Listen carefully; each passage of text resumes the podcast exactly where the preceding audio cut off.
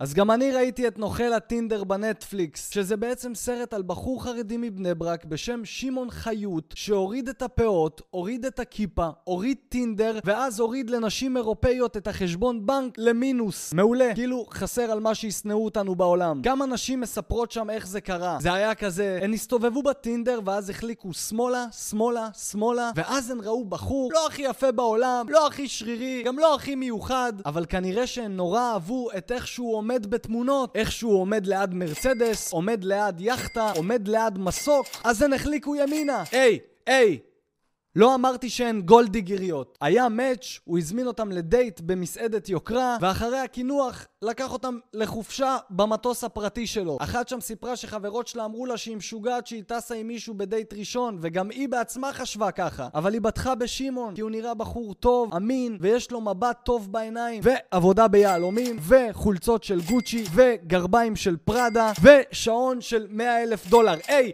היי! לא אמרתי שהם גולדיגריות. באותו הערב הם שכבו, והבחורה הנחמדה הזאת מספרת שהיא כבר הרגישה שהיא מתאהבת בשמעון, כי היה ביניהם חיבור מטורף. עכשיו אני, סתם מעניין אותי לדעת אם היא הייתה מתאהבת באותו ערב גם בבחור שבא לאסוף אותה עם פיאט פונטו מודל 2002. היי! לא אמרתי שהן רודפות אחרי הכסף. אחרי כמה דייטים כאלה הגיע המשבר. שמעון סיפר להם שהוא בבעיה והוא צריך עזרה כספית. הן הלכו חיש מהר לבנקים, לקחו כמה הלוואות ושיגרו אליו ברגע מאות אלפי דולרים. כמובן שהכל מטוב לב ומרצון לעזור, ובכלל בכלל לא מהמחשבה שאם הם ייתנו לו כסף, אז הוא יחשוב לעצמו, וואו, כולן רוצות ממני כסף, והיא נותנת לי בשעת צרה. זה יבלבל אותו, הוא ישלוף טבעת וישכח מהסכם ממון. לא אמרתי שהן רודפות אחרי הכסף!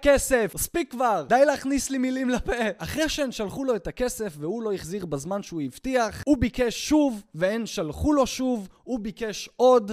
ואין שלחו לו עוד. ובאמת שאני חושב שחלק מהאירופאים תמימים מדי. אם אתה גדל בארץ, אתה לא יכול להיות כל כך תמים. ישתו אותך תוך יום. הבנקים, הנוכלים, ענבל אור, אות. למה חסר? אני חושב לעצמי שברגע שהוא היה מבקש ממני כסף, הוא היה מגלה שיש אנשים שנעלמים יותר מהר ממנו. הלו, הלו! שמעון, זה לא מתאים. חשבתי שיש בינינו חיבור. היה חיבור עד שביקשת ממני כסף. להתראות! נתק לו בפנים. נוכל הטינדר. ככה הם קראו לזה. למרות שהסרט הזה קצת בלבל אותי. לא ידעתי באיזה צד אני. כי שני הצדדים הם די נוכלי טינדר, לא? יש את שמעון חיות שנכנס לטינדר כדי לחפש נשים ולגנוב אותם במאות אלפי דולרים, ויש את הנשים האלה שנכנסו לטינדר כדי למצוא גברים שעומדים ליד יאכטות כדי לחלוב אותם במאות אלפי דולרים. הוא עוקץ בהעברות ישירות לבנק, והן עוקצות בתכשיטים מתנות וטיסות לחו"ל. שמעון מצליח להוציא מהנשים האלה כסף כי הוא שופך עליהן בהתחלה קצת כסף.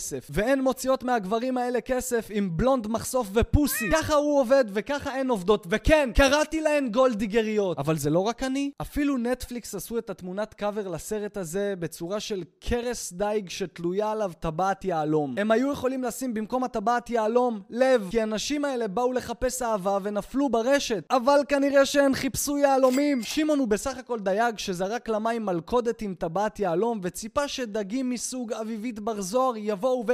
ייתנו בזה ביס. וזה עבד לו. זה לא אני אמרתי, זה נטפליקס. וגם אני. אז אחרי כל המסע הזה, שמעון נתפס וישב כמה חודשים. עכשיו הוא חזר לארץ, ולמרות שהסיפור שלו הוא לא סיפור חדש, הוא תפס לו חברה ישראלית חדשה. בהצלחה לו עם זה. ישראליות לא תמימות כמו האירופאיות. חיים שלי, אני בצרה, אני חייב הלוואה כספית. והיא כזה, יופי אבא, אם תמצא מישהו שילווה לך, שלח אותו אחרי זה אליי, למה אני קצרה אחו שרמוטה. האם לצפות? כן, בתקווה שלא הרסתי לכם עכשיו את כל הסרט. וגם אם כן, לא אכפת לי.